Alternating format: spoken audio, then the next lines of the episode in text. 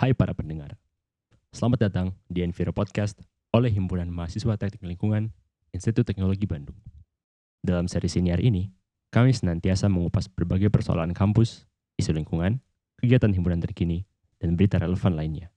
Pada akhir masa kepengurusan, tim redaksi juga akan merilis majalah Enviro edisi ke-21 dengan konten yang tentunya patut dinantikan. Selamat menikmati episode kali ini.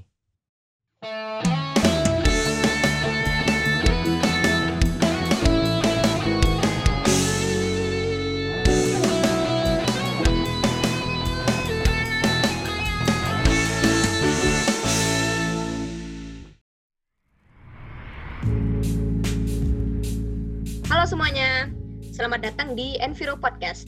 Podcastnya HMTL ITB, episode pertama, Serba-Serbi OSKM ITB 2020. Perkenalkan dulu, namaku Nabila, dan aku akan menjadi host di episode kali ini. Nah, di episode pertama Enviro Podcast, aku mau ngasih reminder nih ke teman-teman ITB, kalau kita bentar lagi udah mau kuliah guys, minggu depan. Kehidupan kuliah tuh sekarang bakal beda sama kuliah semester lalu, tapi siap-siap aja, karena kehebohan dunia kuliah pasti tetap ada. Nah, kalau udah bulan segini, biasanya tiap kampus di Indonesia tuh mempersiapkan acara tahunan yang gede banget. Kalau teman-teman di kampus sih bilangnya wadah kaderisasi terbesar di kampus. Yang mereka maksud itu adalah tidak lain dan tidak bukan adalah orientasi studi keluarga mahasiswa Institut Teknologi Bandung atau biasa disingkat OSKM ITB.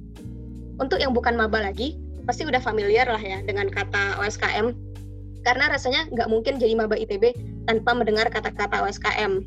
Tapi selama ini OSKM yang kita bayangin tuh yang di lapangan Saraga atau yang di Boulevard, jalan-jalan keliling ITB, nonton perform, kepanasan, dan banyak memori lainnya. Tapi keadaan saat ini berkata lain, rasanya sangat tidak memungkinkan bagi kita untuk merasakan kembali pengalaman OSKM seperti tahun-tahun sebelumnya. Singkatnya, OSKM tahun ini fix bakal beda banget. Nah, bedanya gimana tuh? Di sini, tim Enviro Podcast mengumpulkan pertanyaan-pertanyaan dari masa HMTL ITB mengenai segala hal yang membuat mereka penasaran tentang OSKM ITB 2020. Untuk menjawab pertanyaan mereka, kami mengundang narasumber paling terpercaya, yaitu mereka yang turut merancang pelaksanaan OSKM 2020 itu sendiri. Hadir bersama kami kali ini ada Arik dan Miranda dari Panitia OSKM 2020. Arik sama Miranda boleh kenalan dulu dong? Oke, uh, halo semuanya. Kenalin, aku Miranda dari Teknik Fisika 2017. Di sini selaku Kabit Materi dan Metode. Oke, dan aku sendiri uh, Arika Ekal Novansyah dari Teknik Geodesi dan Geomatika angkatan 2017 sebagai Kabit Acara OSKM ITB 2020. Oke deh, uh, Miranda sama Arik gimana? Sehat nggak? Sehat, sehat, alhamdulillah. Alhamdulillah sehat Alhamdulillah. Nah, udah mau kuliah nih, jangan lupa dijaga kesehatannya ya, meskipun tetap di rumah. Jadi sebelumnya, makasih banyak dulu buat Arik sama Miranda udah mau bersedia hadir di Enviro Podcast. Masa HMTL penasaran nih tentang OSKM 2020 nanti bakal gimana. Jadi, sebelum kita ke pertanyaan-pertanyaan yang lebih spesifik, kita minta penjelasan singkatnya aja kali ya. Um, bentukan OSKM 2020 itu bakal gimana?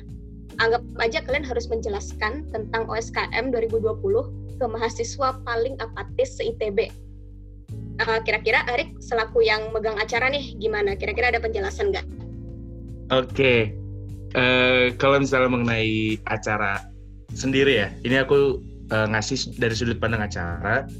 Bentukan acara uh, yang sekarang itu, kalau misalnya dulu kan kita ada lapangan, uh, sistemnya maksudnya sistem lapangan ya. Jadi kayak OSKM itu bakal dilakukan di ITB-nya sendiri, terus akan ada banyak mobilisasi, terus akan ada banyak interaksi secara langsung. Nah, e, berhubung dengan adanya pandemi ini, e, kita semua harus bisa menahan diri e, untuk tidak saling bertemu dan untuk tetap berdiam diri di rumah. Jadi bentukan acara OSKM tahun ini itu bentuknya online, yang di mana setiap peserta itu dapat menikmati acara di rumah mereka masing-masing dengan menggunakan uh, perangkat pribadi. Uh, untuk bentukan acara sendiri akan bersifat online dan uh, seluruh acara akan ditampilkan sorry sorry nggak seluruh acara sebagian besar mata acara akan ditampilkan secara live dan secara uh, massal, yaitu di mana eh, seperti kalau misalnya kita itu dalam satu mata acara, misalnya ada webinar, itu akan langsung dihadiri oleh seluruh para maba yaitu berkisar di angka 4.500 sampai 5.000. Tapi ada juga nih eh, kita tetap mentor-mentor eh, di mana yang bakal ngajak para maba sendiri itu untuk mentoring di mana itu bentuknya kayak lingkar diskusi kecil aja kayak uh, menggunakan platform-platform seperti waduh ini boleh sebut merek nggak ya nanti kita di ini lagi Gak apa-apa lah. oke ya mungkin kalau misalnya bisa dibilang kayak Google Meet atau uh, Zoom meeting atau mungkin kalau misalnya mau yang anti mainstream pakai Cisco webinar kayak gitu atau mungkin di Discord bisa juga kayak gitu sih kalau misalnya gambar secara umum ya Nice. Oke, kalau dari Miranda kira-kira ada yang mau ditambahin nggak? Uh, ya paling mau nambahin dikit. Jadi karena tahun ini OSKM dilaksanakan secara online, terus seperti yang kita tahu maba sama angkatan selain angkatan 2020 itu masuk kuliahnya beda, pasti kan uh, kita juga harus melakukan penyesuaian nih gimana caranya um, panitia bisa nyelenggaran OSKM tapi juga sambil apa namanya sambil kuliah gitu kan. Jadi kalau dari uh, Mamet sendiri di sini tuh kita uh, bikin OSKM itu pilihan metodenya tuh ada yang sinkron maupun asinkron. Maksudnya adalah kalau misalnya sinkron, jadi itu uh, antar maba dan juga maba panitia itu kita bisa uh, berinteraksi bareng di waktu yang sama gitu. Kayak misalnya uh, mentoring, terus nonton webinar bareng-bareng. Tapi kalau misalnya nggak memungkinkan, kayak uh, kita juga nyediain nih OSCAM ini tuh uh, metode pembelajarannya itu dalam bentuk asinkron misalnya uh, baca textbook yang disediakan nonton video rekaman. Pokoknya uh, uh, apa ya mereka bisa belajar mandiri deh buat OSCAM ini. Jadi nggak bentuk kegiatannya itu nggak selalu semuanya dilaksanakan bareng-bareng di waktu yang sama. Itu sih paling tambahannya. Nice. Oke deh. Jadi kan karena sistemnya online nih, jadi jelas bakal ada rangkaian acara yang biasanya ada di USKM tahun ini ditiadakan atau dikemas dengan cara yang lain. Dengan hal ini, kita jadi kepikiran, kira-kira ada nggak potensi nilai-nilai yang diturunin dari tim USKM ke maba bakal cenderung lebih gampang pudar? Dan jika iya, cara menjaganya gimana? Mungkin dari Miranda bisa dijelasin? Uh, nilai-nilai yang berpotensi pudar ya. Sebenarnya um, uh, iya sih karena kan kalau misalnya online mungkin um, area mereka bisa apa ya bisa berinteraksi langsung terus bisa lihat langsung lingkungannya. Jadi uh, mungkin bisa lebih nyampe gitu kan. Tapi uh, kalau dibilang pudar atau enggak sebenarnya enggak juga sih. Karena kita juga sudah mengusahakan dengan um, adaptasi metode-metodenya itu. Gimana sih biar uh, materi yang disampaikan itu mereka tetap ngerti nilai-nilai tetap dapat tapi um, tapi bisa dilakukan secara online. Tadi penyesuaiannya contohnya kayak uh, oh berarti kita harus banyak-banyakin misalnya bikin textbook atau misalnya rekaman-rekaman uh, materi terus uh, pokoknya bentuk-bentuk pembelajaran yang bisa mereka akses secara mandiri gitu. Jadi kalau secara nilai-nilai uh, apa ya akan akan tetap diusahakan untuk sama gitu sih paling. Oke sip. Jadi kira-kira itulah ya overview SKM 2020. Semoga teman-teman yang dengerin udah dapat gambaran gimana. Dan sekarang kita bakal masuk ke ranah yang lebih spesifik nih tentang uh, tentang konsepnya kali ya. Nah jadi dari jawaban Miranda tadi juga kira-kira untuk masa kampus yang udah siap dan bersedia menerima maba ITB 2020 menjadi bagian dari mereka. Misalkan kayak di unit kegiatan mahasiswa atau jenis-jenis kaderisasi lain. Kalau kalian khawatir tentang apakah nilai yang disampaikan ke maba itu selama SKM atau enggak, itu jawabannya. Kira-kira udah cukup jelas lah ya. Nah, berkaitan juga nih dengan kehidupan di kampus, teman-teman pasti udah pernah denger yang namanya tujuh budaya kampus. Udah nggak asing lagi lah ya. Udah kayak materi wajib lah buat maba. Tapi gimana sih ya caranya ngenalin budaya kampus ke maba, sedangkan mereka aja nggak akan merasakan satu semester ke depan berkehidupan di kampus. Apalagi kondisi saat ini yang relatif terbatas dan semua orang juga sedang mencoba beradaptasi dengan berbagai kebiasaan baru. Kira-kira siapa nih yang mau jawab? Oke, aku boleh jawab dulu kali ya. Boleh, boleh silahkan. Um, jadi kalau misalnya masalah tujuh budaya kampus, sebenarnya menurutku dari tahun ke tahun OSKM itu kan emang cuman uh, ngenalin aja kan, tapi sebenarnya budaya kampus ini kan uh, mereka lakuin ya selama mereka berkegiatan di kampus gitu kan sampai nanti.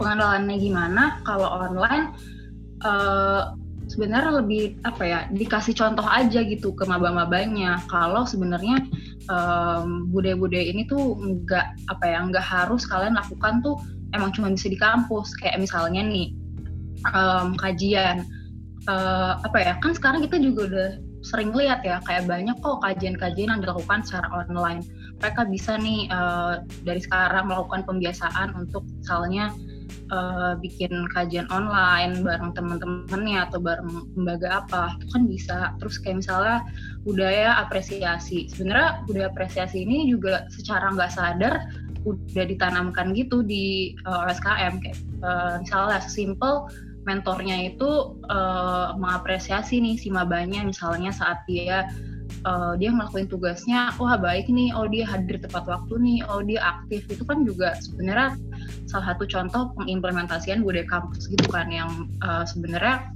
secara nggak sadar pun mereka udah coba diajarin dan mereka tahu gitu konteksnya apa meskipun secara online. Itu sih paling kalau dari aku. Oke deh kalau dari Arik kira-kira ada yang mau ditambahin nggak? Nggak ada sih kalau misal dari aku ya. Itu dari Miranda udah cukup jelas sih udah konkret sekali jawabannya emang Mamet kita top banget deh gengs mantap lah emang sumber terpercaya Mike. Nah jadi kalau sistemnya ganti kan biasanya strukturnya juga ganti nih. Kalau kata slogan kabinet KM ITB sekarang tuh adaptif gitu, resilient. Nah kalau di OSKM 2020 ini atau bahkan sebelum muncul nama OSKM yang biasa disebut dengan KAT atau kaderisasi awal terpusat, divisi-divisi di organogram yang berbeda dari tahun lalu itu apa aja sih? Kalau dari Arik kira-kira gimana penjelasannya? Oke, okay. uh, sebenarnya jadi tahun ini itu uh, di organogram sendiri ada beberapa perubahan ya. Ada yang dulunya ada, sekarang nggak ada. Ada yang dulunya nggak ada, sekarang itu ada. Sebagai contoh, uh, sekarang ini kita nanti bakal menggunakan satu platform uh, mobile web apps yang bakal digunakan sama uh, para mabanya nih. Nanti uh, sekarang nih uh, websitenya masih dalam bentuk uh, pengembangan Nah, terus uh, jadi kenapa kita butuh website ini? Jadi nanti biar seluruh uh, maba-maba itu untuk mendapatkan informasi bisa uh, di dalam satu platform yang sama. Nah, terus karena ada kebutuhan untuk membangun platform, akhirnya uh, kita memberdayakan sumber daya manusia dari ITB sendiri. Jadi akhirnya kita ada nih sesuatu divisi yang baru yaitu divisi IT nama kadifnya sendiri itu uh, Kak Aidil Rizky dari Teknik Informatika sih ingat aku ya. Kak Aidil kalau misalnya denger ini mungkin bisa diralat ya kalau salah. Tapi harusnya benar sih Teknik Informatika. Nah terus kalau misalnya yang nggak ada, dulu itu uh, ada perizinan ya. Nah sekarang itu perizinan nggak ada karena kita nggak menggunakan apa pun di lapangan, jadi kita nggak butuh izin ke siapa-siapa. Dan kalau misalnya untuk perizinan ke ITB-nya langsung, itu langsung diurus sama Jen Megah Bremanda Sembiring secara langsung sebagai ketua karena biasanya yang ngobrol langsung sama pejabat ITB itu langsung Jen ya gengs gitu sih mungkin dari waduh jadi aku yang kayak moderator. Gak apa-apa sih gak apa-apa. Kalau dari Miranda ada yang mau ditambahin nggak? Oke okay, mau nambahin ya. Uh, paling yang berubah ya ada juga mungkin ini juga jadi salah satu perhatian masa kampus. Buat um, panitia lapangan kan bisa ada tiga ya. Ada mentor medik keamanan nah kalau sekarang karena emang kita nggak ada kebutuhan lapangan kita kita nggak mobilisasi dari satu tempat ke tempat yang lainnya. Sekarang tuh uh, namanya tuh nggak apa ya nggak dikotomi lapangan dan non lapangan. Tapi ya udah semuanya panitia. Dan sekarang tuh cuma ada divisi mentor bukan karena uh, medik dan keamanan di kondisi online kayak gini uh, kebutuhannya kurang tepat lah ya. Makanya untuk tahun ini mereka cuti dulu itu paling tambahannya cuti dulu ya boleh lah nah kebetulan nih Mir uh, berkaitan sama pertanyaan berikutnya jadi uh, berkaitan dengan divisi-divisi yang berbeda dari tahun sebelumnya memang ada satu komponen panitia yang gara-gara sistem SKM sekarang beda, orang-orang tuh jadi penasaran banget. Panitia dulu kan ada tiga nih, seperti yang Miranda udah bilang, mentor, medik, dan keamanan. Dan tahun ini ada mentor doang ya. Terus biasanya sistem kaderisasi panitia, panitia lapangan ini turun-temurun. Panitia lapangan tahun lalu bakal melatih panitia lapangan tahun ini, panitia lapangan tahun ini ngelatih panitia lapangan tahun depan, dan seterusnya ada masa HMTL yang penasaran nih, mungkin dia pernah jadi panitia lapangan juga ya. Untuk panitia lapangan, terutama medik dan keamanan, gimana nih nasib mereka di tahun-tahun mendatang? Kalau tahun ini medik dan keamanan tuh nggak ada, langkah-langkah apa yang bisa dilakukan untuk memastikan panitia lapangan tahun depan tetap ada, terutama kalau tahun depan udah uh, eh, OSKM dilaksanakan secara tatap muka. Oke, ini mungkin aku yang jawab ya. Jadi uh, langkah-langkahnya adalah um, gini, jadi untuk medik dan keamanan, kita tahu nih sebenarnya nilai-nilai yang diturunin di sekolah divisinya medik dan keamanan itu uh, memang nilai yang perlu diturunkan lagi untuk tahun-tahun selanjutnya. Tapi karena kita lihat, oh di SKM sekarang lo online nggak uh, butuh nih panitia medik dan keamanan. Jadi ngusainnya gimana? Jadi kita coba uh, ini di luar di luar ranahnya uh, OSKM ya sebenarnya. Jadi pengusahaannya itu dari kabinet dari Kemenkuan PSDM Kabinet KMTB coba fasilitasin uh, namanya uh, namanya belum fix ya pokoknya ada suatu sekolah pergerakan yang intinya nanti um, mereka bakal ngasih tahu nih ilmu-ilmu kayak mengganti ya, mengganti nilai-nilai yang tidak sempat diajarkan di SKM kayak tadi contohnya buat mendidik medik dan keamanan yang nanti uh, bakal digunain untuk keperluan regenerasi di tahun-tahun berikutnya. Gitu tapi um, pendidikannya tidak dari OSKM karena ya yang seperti kita tahu di OSKM tahun ini memang nggak butuh. Gitu oke deh berarti kira-kira anggap aja udah udah diurusin lah ya udah kepikiran buat langkah ke depannya gimana betul banget dari PSDM Nice, keren banget berarti panitia PSDM udah mikir jauh ke depan dan gak cuman untuk pelaksanaan OSKM tahun ini aja tapi juga untuk ke depannya. Nah, sekarang kita lanjut ke bagian yang apa ya, lebih ke eksekusi dan evaluasi kali ya. Jadi sebelum ini, sebelum OSKM ini dari rangkaian kegiatan KAT kan udah ada yang namanya diklat terpusat atau biasa disebut dikpus dan diklat divisi yang biasa disebut dikdiv. Coba uh, Miranda atau Arik cerita dong sejauh ini selama dikpus atau dikdiv tuh ada kendala apa aja dan respon. Oke, okay. uh, eh, jadi karena Miranda haus, uh, giliran aku yang jawab ya gengsi ya. Oke, okay. jadi uh, kalau misalnya kendala terbesar itu yang pasti komunikasi ya. Kalau kalau misalnya dulu kayak uh, kenapa dulu tuh ada yang namanya korlap dan lab itu tuh sistemnya kayak gini. FYI aja, Korlap dan Lab itu ada di bawah uh, bidang acara. Jadi kalau misalnya kayak acara uh, butuh apa-apa itu bisa langsung ngobrol ke Korlapnya dan kita tuh kan megang HT nih ya, kayak tinggal HT terus ngomong. Nah, sekarang tuh uh, enggak. Kemarin itu permasalahan terbesarnya uh, jalur komunikasi yang dibentuk sama uh, panitia OSKM 2020 itu tuh masih banyak uh, kesalahan lah. Istilahnya kayak uh, dari acara butuh ke HR langsung ngomong ke HR terus uh, dari HR butuh ke Miranda misalnya langsung ngomong ke Miranda.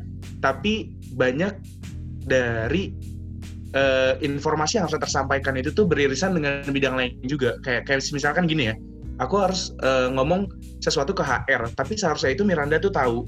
Tapi ketika aku langsung ngomong ke HR dan Miranda nggak tahu jadi nanti Miranda nanya lagi.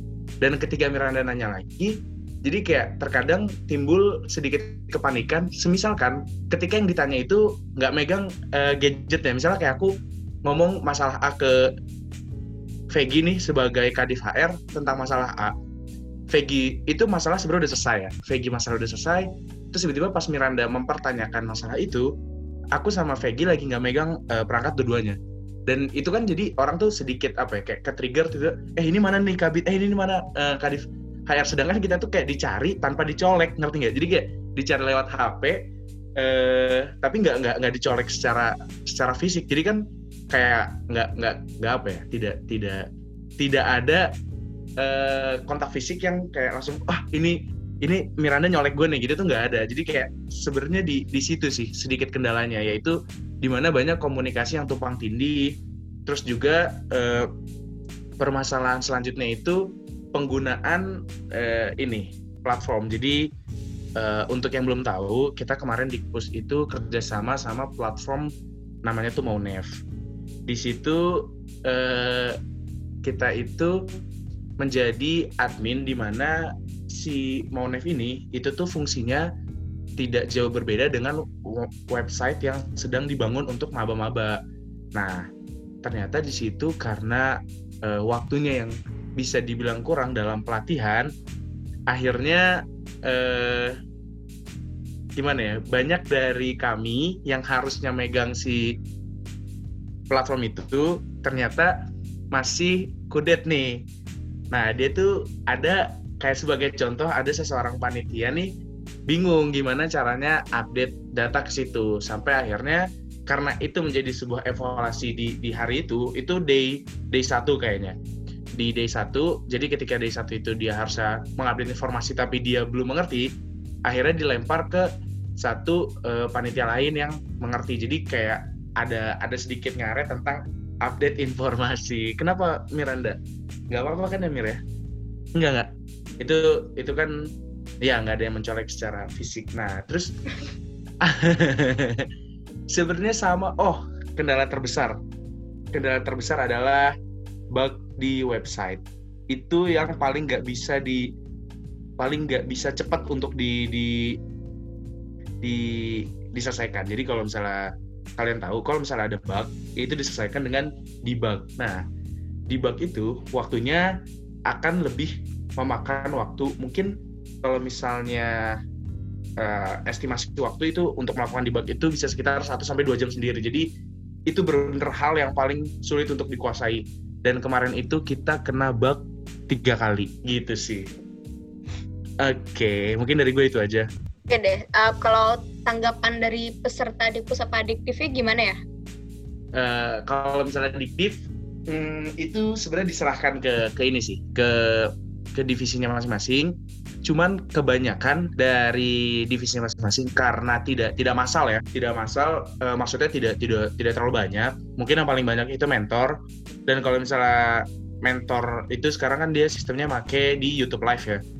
E, tapi kalau misalnya untuk dari aku nih e, di acara sendiri biasanya itu kita itu lewat e, Google Meet. Jadi karena kapasitas Google Meet itu kan maksimal 100 dan divisi di bawah aku yang oprek itu nggak ada nggak ada yang lebih dari 100 jadi kalau misalnya lewat Google Meet itu masih istilahnya tuh kecandak atau mencukupi.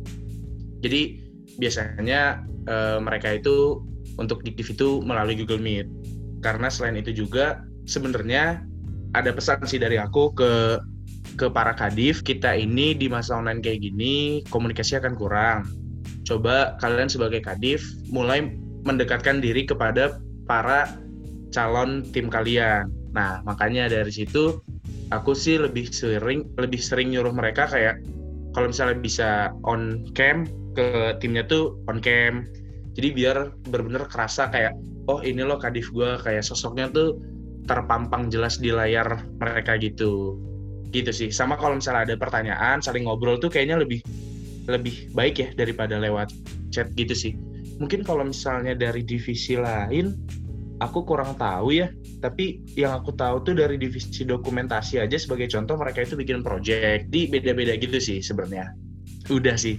Ya, mau nambahin dikit sih kalau dari tanggapan peserta ya. Kalau yang dari yang aku amatin ya, kalau misalnya pas di push karena di sini kita pakai platform yang mungkin baru ya di sebagian banyak sebagian besar orang. Kayak uh, kemarin tuh kita pakai webinar jam gitu sebut aja. Terus pakai Monev itu kan baru mungkin nggak semua orang familiar. Jadi di awal itu memang uh, rada susah gitu untuk mereka adaptasi sama platformnya buat um, buat uh, login buat lihat-lihat uh, pengumuman informasi dari segala macamnya. Itu di awal masih adaptasi dulu. Tapi kalau sekarang sebenarnya mungkin karena udah terlalu lama juga ya online dan udah coba-coba berbagai macam platform sebenarnya sekarang kalau masalah uh, per platforman udah aman-aman aja sih. Kayak uh, ya udah mungkin mereka udah mulai lancar make Google Meet, Zoom, webinar Gym dan lain-lainnya. Udah jago lah ya. Paling yang masih jadi suatu permasalahan yang mungkin ini akan terus-terus ada. Masalahnya adalah masalah uh, penggunaan kuota itu sendiri. Karena ya ya seperti yang kita tahu kalau misalnya online-online kayak gini terus kan emang yang paling banyak dikorbankan adalah masalah kuotanya itu. Itu aja, Nap. Bener juga ya. Eh kalau boleh tahu peserta di pus kemarin berapa orang ya totalnya? Peserta di pus kemarin itu, uh, oh ya kalau misalnya di pus kemarin itu kan sebenarnya sistemnya uh, angkat si mahasiswa angkatan 2019 itu auto terdaftar jadi peserta. Jadi kita nggak nggak melakukan pendataan ulang lagi tuh. Jadi mereka semua auto terdaftar di PUS. Jadi masih uh, kalau misalnya ditanya pesertanya berapa karena auto terdaftar jadinya ya masih ada sekitar berapa sih 4000 4400-an aku aku lupa jumlah pastinya gitu karena mereka semua uh, auto terdaftar. Oke deh, uh, kalau Arek tahu Aku, nih jumlahnya berapa? Oke, okay. sebenarnya sebenarnya gini, bener kata Miranda, uh, di mana uh, mereka itu kemarin kan menggunakan kelompok OSKM. Nah, terus jadi otomatis mereka itu terdaftar sebagai uh, panitia, eh, panitia, sebagai peserta dikbus. Tapi kan di akhir itu kita tuh ngebikin uh, dari panitia ya kayak semacam apresiasi ke pesertanya itu uh, sertifikat total sertifikat yang dibagikan itu ada sekitar untuk 3.200 orang sih. Kayak gitu. Berarti mungkin yang istilahnya dapat dibilang mengikuti standar minimal kehadiran atau mungkin uh, standar minimal nilai lah ya dalam mereka mengikuti Dikpus itu itu ada 3.200 yang istilahnya melewati standar minimal itu. Kayak gitu sih. Oke deh, berarti karena kalian antisipasinya peserta Dikpus itu satu angkatan 2019 tadi 4 ribuan orangnya kata Miranda sedangkan yang maba 2020 aja ekspektasinya 4.500 orang kira-kira kalian udah siap lah ya dengan segala kapasitas dan websitenya buat nerima orang sebanyak itu di waktu yang bersamaan. Wah pede sih. Aku orangnya selalu optimis soalnya. Oke deh, asalkan nggak ini aja, nggak kayak tiba-tiba ada antrian sistem gitu kalau semua orang ngakses di saat yang bersamaan ya? Oh enggak nah, enggak tenang tenang. Enggak tenang tenang. Itu, tenang.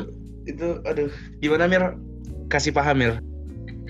enggak enggak ya doain aja semoga nanti web appnya USKM bisa diakses orang lancar-lancar aja nggak ada permasalahan nggak bikin keributan di sosmed Amin gimana Rik okay. nambahin apa tadi udah sih itu aja cukup oke okay deh berarti kita expect aja lah OSKM ini udah akan berjalan dengan lancar karena sebelumnya udah di testing dengan berbagai macam tikus dan dikdiv dan udah panitia udah nyoba macam-macam platform lah. Jadi ya pede aja lah ya seperti kata Arik. Nah jadi kalau dipikir-pikir beberapa pertanyaan sebelumnya uh, cukup serius nih kita udah ngebahas konsep segala macam. Nah sekarang aku mau nanya buat kalian berdua. Kalau menurut kalian uh, dari kalian aja nih mendingan OSKM online atau offline? Dari aku dulu kali ya boleh boleh hmm. sebenarnya mau nanya dulu nih dari sudut pandang peserta atau dari sudut pandang aku sebagai panitia dari mana? Nah, nggak apa-apa keduanya juga nggak apa-apa. Mungkin kalau yang nyediain sudut pandang peserta bisa jadi perspektif juga buat orang-orang. Oke, okay. uh, eh, sebenarnya gini, kalau misalnya dari sudut pandang panitia, uh, bukan lebih mending sih. Aku kan nggak pernah jadi panitia secara offline sih ya tapi membayangkan menjadi panitia secara offline itu tuh benar-benar nguras fisik banget karena eh, ketika aku mengkomparasikan antara waktu aku di KUS sama eh, kabit acara tahun lalu pas di KUS. Kalau misalnya secara secara eh, secara fisik itu tuh kalau misalnya kata Awe Awe itu uh, kabit acara OSKM tahun lalu dia bilang waktu di kampus aja gue tuh sampai nggak tidur dan lu harus siap sih kayak gitu. Itu tuh itu adalah kata-kata awal ketika aku ngechat Awe pertama kali menanyakan tentang gimana uh, keluh kesah jadi kabit acara SKM tapi alhamdulillah kalau misalnya di kurs kemarin aku masih bisa tidur dengan nyaman uh, tidak perlu nginep di sekre OSKM di ITB masih bisa tidur di atas kasur di rumahku jadi kalau misalnya secara fisik kayaknya lebih capek secara online ya. Jadi kalau misalnya ngomongin fisik mendingan eh secara offline sorry secara lapangan. Jadi kalau misalnya membanding uh, mendingan offline atau online kalau misalnya secara fisik itu lebih baik secara online. Tapi kalau misalnya secara jump scare itu tuh kadang tuh kalau misalnya di online tuh kita tiba-tiba meleng dari HP 5 menit itu tuh tiba-tiba jam sekarang udah banyak kayak jeder jeder jeder langsung tuh. Ada chat dari Miranda ada chat dari Vegi itu Miranda itu sebagai Kabit Mamet tiba-tiba ada chat juga dari Vegi sebagai Kadif HR atau mungkin dari Kadif Kadifku itu terkadang kayak kita meleng tiga menit tuh dipanggil karena yang tadi yang aku bilang tidak colek-colekan jadinya kayak udah telat terkadang. Nah jadi kalau misalnya ketersampaian informasi kayak gitu lebih baik offline. Kayak misalnya kalau misalnya di ITB kan wah gue harus manggil Miranda nih. Aku tinggal lari ke Miranda itu tuh bisa langsung Mir ini Mir ada salah di sini Mir. Gimana gimana? Diskusinya tuh enak. Kalau misalnya offline aku dipanggil panggil kadang harus ditelepon dulu. Karena eh, kadang ketika aku lagi ngobrol sama seseorang pun ada orang lain yang ngechat aku nggak sadar. Kayak gitu sih. Jadi kalau misalnya mending mendingan ya tadi sebenarnya dua uh, kalau misalnya fisik berarti mendingan online tapi kalau mis misalnya secara uh, ketersampaian informasi panik-panikan kayaknya lebih panik-panik ajaib pas online ya karena lebih sering ngagetin. Tapi kalau misalnya sebagai peserta nih uh, jujur kalau misalnya ngelihat seru-seruan vibes itu kan enak ketika rame-rame. Tapi aku nggak tahu nih mungkin bagi sebagian orang ketenangan adalah kunci. Jadi mungkin dia lebih menikmati vibes OSKM itu ketika tenang, diam di rumah, menikmati materi yang disampaikan dengan pembicara supaya lebih sampai mungkin bagi sebagian orang juga itu adalah hal yang yang sangat syahdu ya. Waduh, syahdu bahasanya. Tapi kalau misalnya dari aku yang kepribadiannya ekstrovert, uh, aku lebih suka ketika aku bisa kontak langsung dengan banyak orang. Jadi kalau misalnya aku sebagai peserta, aku akan lebih menikmati secara offline, tapi uh, tidak menutup kemungkinan ketika online pun aku nggak menikmati ya, karena kita itu hidup harus bersyukur, gengs. Waduh, nanti aku jadi ceramah. Udah cukup kayak dari aku segitu aja. udah, udah. Oke deh. Lumayan lah dapat insight ya. Kalau dari Miranda gimana?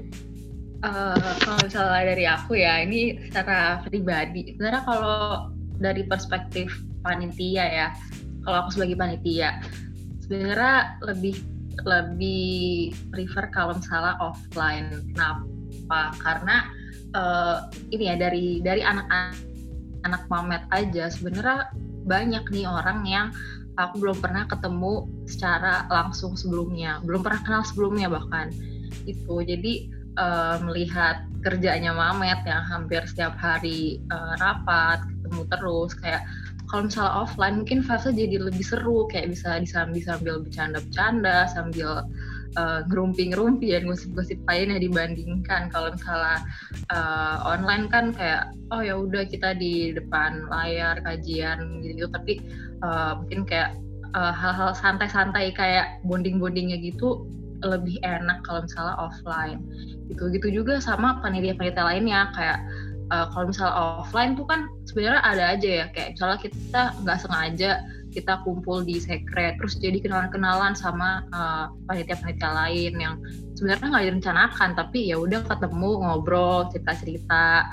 Jadi uh, mungkin banyak hal-hal seru yang sebenarnya nggak direncanakan tapi jadi kenangan gitu kayak oh iya nih dulu pernah kayak gini gini ini itu kalau offline ya kalau misalnya online kan jadinya uh, apa ya mungkin sebenarnya direncanakan. Tapi uh, positifnya uh, kalau online sebenarnya kita jadi lebih uh, gampang juga kayak planningnya. Karena kayak misalnya offline uh, kita ketemuan ya hari Sabtu jam 8 terus kayak aduh uh, nggak bisa nih lagi di mana tuh nggak bisa nih ini lagi uh, uh, nyusul ya lagi macet di mana. Tapi kalau misalnya online kan kayak ya udah tinggal buka HP klik link Google Meet join gitu gitu kan kayak jadi lebih gampang. Terus kalau misalnya dari perspektif peserta sebenarnya uh, dari dari data dari kuesioner yang udah dicoba disebar banyak dari mereka yang sangat-sangat menantikan OSKM itu offline. Karena ya ya gimana sih kan baru masuk ITB nggak tahu apa-apa. Dia pengen lah lihat oh ini lingkungan kampus gua. Oh ini nih ITB kayak gini ada ini ini ini. Oh ini kakak-kakaknya kayak gini. Jadi mungkin kalau misalnya offline bakal lebih kerasa itu sih paling. Tapi ya nggak menutup kemungkinan juga. Nanti online ternyata bisa dikemas lebih seru dan pesannya tetap tersampaikan. Kita bisa tetap ngasih penyambutan yang meriah ke maba-mabanya. Sip. Berarti itu tantangan buat panitia lah. Gimana kalian ngakalinnya supaya maba-maba itu tetap bisa mendapatkan pengalaman yang seru banget di SKM meskipun formatnya online ya. Betul sekarang kan aktivitas yang dilakukan bareng-bareng itu serba digital ya. Mau tadi rapat, kajian, publikasi atau pensuasanaan lewat media sosial itu lagi kenceng banget terutama apa-apa aja online dan terbuktikan sekarang USKM pun juga online. Nah, kalau menurut kalian berdua nih, gimana sih tanggapan kalian terhadap ya beberapa oknum tertentu yang berisi informasi tidak resmi dari media sosial mana pun? Kan ada tuh ya kayak akun-akun Twitter lah ya, yang kita di sini nggak usah sebut namanya, yang suka nyebar-nyebar info gak resmi atau media sosial lain yang informasinya tuh nggak nggak turun langsung dari panitia OSKM sendiri. Kalian kira-kira ngerasa OSKM ke spoiler nggak gara-gara ulah-ulah medsos nggak resmi ini, atau justru malah menyebar informasi yang salah atau gimana? Oke, kalau dari aku ya, sebenarnya nggak ada keresahan sama sekali sih. Aku malah kadang lucu sih kalau misalnya ngeliat kayak gitu ya. Kayak, wow, berarti dia punya indra ke tujuh kayaknya udah lewat indra ke enam karena benar-benar bisa baca situasi bisa bisa bisa tahu segala-galanya tanpa dibocorin tanpa ada yang ngomong. Bahkan panitianya sendiri itu belum tahu gimana kita ke bukan gimana kita ke depannya kayak misalnya ada kita mau ngelaksanain plan A B C kita belum tahu kita mau milih apa bahkan dia sendiri udah tahu. Berarti betapa hebatnya sesosok kita anggap dia sender ya. Di di platform mana pun kita anggap dia sender berarti seberapa hebat sender itu bisa tahu. Bahkan panitianya aja belum tahu. Gitu sih. Atau mungkin akunya yang nggak tahu. Wah tidak mungkin. Ya maksudnya kalau nggak business skip atau pak gitu sih kalau misal dari aku. Nggak nggak rasa sama sekali sih. Kadang malah ketawa-tawa. Karena ada aku boleh cerita sedikit nih ya? Boleh boleh Oke, karena karena sejujurnya uh, gini sih, waktu dikpus kemarin itu tuh kan ada beberapa waktu kosong di mana kayak misalnya jam mentoring itu untuk yang belum tahu itu kita ngasih rentang ya kayak dari jam 7 sampai jam 10 si uh, sampai jam kita mulai jam 8 sampai jam 1 siang. Nah, di situ tuh adalah jam di mana uh, aku sendiri tuh nggak nggak terlalu sibuk lah. Nah, di situ tuh kayak aku sama wakil aku itu kita sering baca kayak di di platform apa pun tentang eh, hal-hal yang uh, emang aku sengaja sih minta kayak uh, aku sama wakilku untuk melihat ada nggak kritik buat kita coba tolong dicatat buat di eval acara. Ini khusus khusus acara. Jadi aku akan ngadain eval buat acara jadi kritiknya dicatat. Terus sebenarnya ada beberapa apa ya kayak ada beberapa hal yang yang lucu-lucu aja dan situ aku kayak tidak menjalankan kewajibanku sebagai eh bukan tidak menjalankan sih. Harusnya tuh kalau misalnya offline aku harus selalu standby. Nah di situ tuh karena ada waktu senggang jadi ya itu aku baca tweet-tweet uh, tentang OSKM yang spoiler. Kalau misalnya kalian tahu yang dulu reborn dari OA lain sekarang pindah ke Twitter. Terus aku ngebaca itu jadi kayak wah dia masih punya indera ketujuh bung dan ternyata orangnya masih bangkit kembali uh, dari OALN yang sekarang broadcastingnya berbayar karena mungkin dia tidak disponsori oleh siapa pun akhirnya dia membocorkan di Twitter kayak gitu sih sebenarnya. Uh, mau nambahin ya, nah ya boleh boleh. Ya kalau sebenarnya kalau dari uh, aku juga apa ya bukan orang yang nganggep kayak wah ada orang nih nge-tweet uh, gini-gini spoiler soal SKM atau ada orang yang kritik SKM gini justru bukan dianggap apa ya bukan diambil pusing lah ya. Justru uh, menurutku uh, itu malah bisa dijadiin bahan apa ya bahan ketawaan gitu. Kayak wah nih guys ternyata banyak loh orang yang uh, nge-tweet tentang OSKM OSKM kayak gini itu malah malah bisa jadi hiburan gitu buat internal panitia ada bahan obrolan santai gitulah ya Terus uh, di sisi lain, menurutku itu bagus juga karena ternyata masih banyak loh orang yang peduli sama SKM sampai-sampai mereka menyempatkan waktunya buat uh, cari tahu sebenarnya OSKM itu lagi ada apa sih. Terus mereka juga menyempatkan waktu buat um, ngasih kritik dan saran buat SKM. Kayak menurutku kalau misalnya uh, dia kayak aduh bodo amat OSKM lagi apa, SKM ngapain kayak ya harusnya ya udah aja nggak akan mereka bahkan nggak tahu gitu mungkin kayak oh kemarin tuh ada di kus ya kemarin tuh ada ini ya.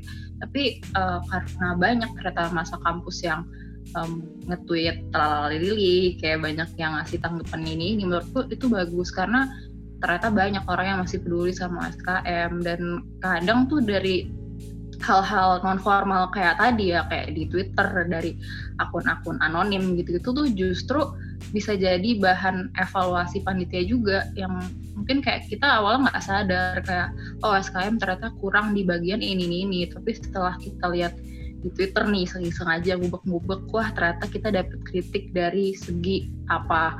Terus kayak oh iya ya benar juga. Justru malah bisa jadi bahan evaluasi. Gitu sih. Kadang soalnya kita terlalu fokus ngerjain hal-hal apa ya hal-hal yang sesuai sama rencana tapi kayak details detailsnya justru yang orang-orang luar lihat itu kita nggak kepikiran. Justru pas lihat tadi kayak informasi informasi informal dari Twitter atau dari Line atau dari ya apa pun lah gitu malah jadi sadar kayak oh kita kurang di sini kita perlu improve di sini. Gitu. Mantap banget. Berarti justru kalian tuh nanggepinnya secara positif gitu ya bukannya jadi marah jadi selek tapi malah kayak oh, udahlah dijadiin refreshing aja dijadiin bahan hiburan gitu. malah jadi bahan evaluasi malah iya benar banget benar benar benar ternyata sebegitu pedulinya juga panitia uh, eh, OSKM terhadap informasi informal yang beredar dan bahkan tuh mereka ngerasa ternyata orang-orang ini juga sebesar itu juga pedulinya terhadap USKM. Jadi uh, kalau ada di di sini admin account-account tersebut yang mendengarkan, ya itulah berarti kalian udah dapat tanggapan dari penitia USKM itu sendiri. Berarti kalian sebenarnya udah secara langsung udah berhubungan baik lah ya. Walaupun kadang-kadang dapat menimbulkan keributan nih dari tahun ke tahun, tapi seperti yang Arik pernah bilang, bukan justru keributan yang ngeblow up dan menjadi viral gitu. Aduh mungkin mungkin dari Miranda mau promosi dulu akun Twitter Mir. Apa tuh? Yang buat informasi dari Mamet mungkin Mir. Uh, iya iya. Iya sebenarnya menurutku ya Twitter Twitter kayak gitu yang di Twitter eh di Twitter akun-akun kayak gitu yang di Twitter tuh justru yang banyak dilihat sama generasi Z gitu kan. Anak-anak zaman sekarang lihatnya lihat akun-akun tubir lihat uh, lihat uh, apa ya lihat tweet-tweet yang seru-seru dibanding yang formal-formal kaku gitu. Jadi uh, kalau dari Mamet sendiri sebenarnya kita juga coba buat nih Twitter mungkin sekalian promosi juga. Bisa dilihat di teks dari Mamet KAT di sini tuh sebenarnya awalnya iseng-iseng aja tapi ternyata justru kayak kita bisa ngobrol-ngobrol sama peserta dikus langsung tuh kemarin dari Twitter. Kayak bisa tarik inputan secara informal malah jadi lebih seru dan lebih dapet aja interaksinya dari akun-akun kayak gitu. Oh iya cakep. Berarti sebenarnya jarak yang membuat kita semakin jauh ini justru gara-gara ada era digital dan semacamnya malah mendekatkan kita semua ya. Yang sebelumnya kita sebagai peserta OSKM atau sebagai panitia OSKM tuh nggak berhubung nggak bisa berhubungan langsung dengan panitia Mametnya. Dan sekarang siapa aja bisa gitu lewat account Twitter teks dari Mamet KAP ini ya.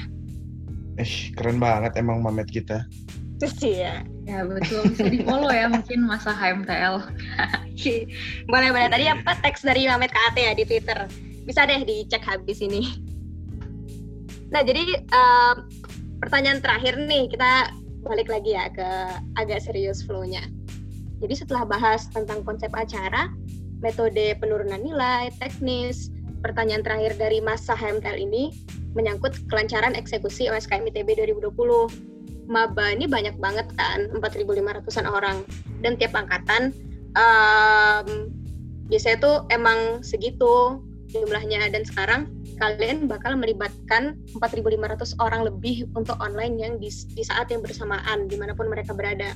Jadi ada yang penasaran nih, untuk masalah akses internet, apakah akan dilakukan bantuan dalam bentuk apa pun demi menyokong maba agar bisa ikut berpartisipasi dalam OSKM 2020? Kira-kira siapa nih yang mau jawab?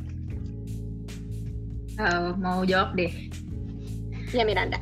Oke, okay, jadi sebenarnya uh, kalau dari KT sendiri ya karena ini informasinya belum dipublish juga dari uh, eh, KT sendiri belum menjanjikan kalau ada uh, subsidi kuota untuk maba. Tapi dari dari ITB sendiri sebenarnya, jadi uh, ITB yang akan melakukan pendataan ke mahasiswa angkatan 2020, ntar juga ditanya-tanya terkait kondisi internet mereka, apakah ada yang kesulitan dan segala macamnya, dan nanti dari pihak ITB yang mengusahakan buat uh, subsidi kuota tadi. Tapi kalau dari panitia KAT uh, sebenarnya kita juga mengusahakan tapi belum menjanjikan karena informasinya belum pasti. Ntar takutnya di di ini kan ditagih kan wah mana nih? Katanya kemarin di podcast mau kasih kota gitu mungkin mungkin aku mau nambahin ya. Sebenarnya iya, bukan mau nambahin sih. Aku minta tolong ke siapa pun yang dengar ini mari kita berdoa bersama-sama. Aku mewakili Kabit Fundraising. Semoga OSKM kali ini bisa tetap mendapatkan uh, income yang banyak sehingga uh, seluruh acara kita itu bisa lancar Uh, bisa mungkin kita bisa memberikan subsidi kuota juga sebenarnya permasalahannya bukan itu aja sih tapi mungkin itu bisa jadi salah satu alasan juga kayak gitu amin jadi ya gimana lah kita berdoa semoga seluruh panitia dapat output yang baik aja lah karena ini tujuannya panitia ini bekerja juga buat membantu teman-teman maba yang bakal jadi peserta OSKM. Benar ya sekali. Cakep. Oke, okay, um, kebetulan kita udah hampir sampai di penghujung podcast kita. Jadi sebagai penutup, aku mau tahu dong harapan dari Arik sama Miranda buat OSKM gimana, atau kalau ada closing statement lainnya. Dari aku dulu kali ya. Iya boleh boleh Nah, harapan terbesarnya adalah gini sih. Uh, kalau misalnya dari aku pribadi, tetap pengen bahwa OSKM ini adalah acara milik seluruh uh, dari kalangan uh, masa kampus ITB sendiri ya. Jadi bukan istilah seluruh lembaga lah. Jadi aku harap juga dengan di sini aku masih mengusahakan untuk keterlibatan berbagai lembaga. Uh, mungkin aku juga memohon untuk ketersediaannya para lembaga untuk uh, ikut serta dalam meramaikan uh, OSKM ini sendiri. Nah, terus kalau misalnya untuk harapan selanjutnya juga, semoga acara OSKM ini bisa dinikmatin sama seluruh uh, siapa pun yang mengikuti acaranya. Kayak gitu sih. Kalau dari aku kayak gitu aja, cukup. Oke, uh, kalau dari aku harapannya ya semoga OSKM tahun ini yang diselenggarakan secara online justru uh, kita semua nggak ngelihat jadi suatu tantangan, malah bisa ngeliat ini jadi suatu peluang. Bisa jadiin uh, eh, OSKM ini tuh suatu yang sesuatu yang dikenang sama uh, kita semua, sama sekampus, sama maba. Justru mereka ingat wah tahun 2020 uh, eh, kita jalan OSKM ada ini ini ini nih wah ternyata uh, OSKM itu tidak terbatas bentuknya uh, kalau uh, offline harus seperti ini tapi ternyata di kondisi online juga kita mampu beradaptasi buat acara yang um, keren acara yang tetap esensial dan uh, materi tetap tersampaikan gitu. Dan uh, ya semoga semua semua orang ya, semua masa kampus di TB bisa sama-sama memperjuangkan OSKM biar bisa jadi wadah penyambutan mahasiswa baru terbatas apa pun itu bentuknya tapi uh, tetap sampai maknanya. Itu aja. Amin mantap mantap banget Arik dan Miranda jadi kalian bayangin aja deh gimana tahun depan dan tahun-tahun berikutnya kalau seandainya OSKM 2020 ini jadi satu-satunya OSKM offline orang tuh bakal mikir wah OSKM pas online tuh dan yang ternyata keren banget ya itu siapa tuh yang ngatur acaranya oh ini si Arik sama Miranda Cia. Aduh, nggak berdua dong. Iya. Kayak gitu lah ya. Iya. Ya, jadi uh, itulah dia semuanya serba-serbi OSKM 2020 sebagaimana dijelaskan oleh tim panitia OSKM. Makasih banyak buat Arik dan Miranda udah mau bersedia hadir di Enviro Podcast. Kalian keren banget, jawabannya sangat jelas dan mencerahkan. Semoga yang udah kalian sampaikan berguna untuk para pendengar Enviro Podcast. OSKM juga udah semakin deket nih dan udah mau mulai kuliah juga kan. Jadi seperti kata panitia lapangan OSKM, dijaga terus semangatnya, hari masih panjang. Aku dari tim Enviro minta maaf juga kepada narasumber dan para pendengar bila ada kesalahan dalam mengucap. Enviro Podcast, podcastnya HMTL ITB. Sampai jumpa di episode berikutnya. Terima kasih telah mendengarkan Enviro Podcast episode ini. Untuk mendapatkan informasi terbaru, follow akun Instagram dan Twitter kami di HMTL underscore ITB. Sampai jumpa di lain kesempatan. Dan jangan lupa, keadilan harus ditegakkan. Gemuruh.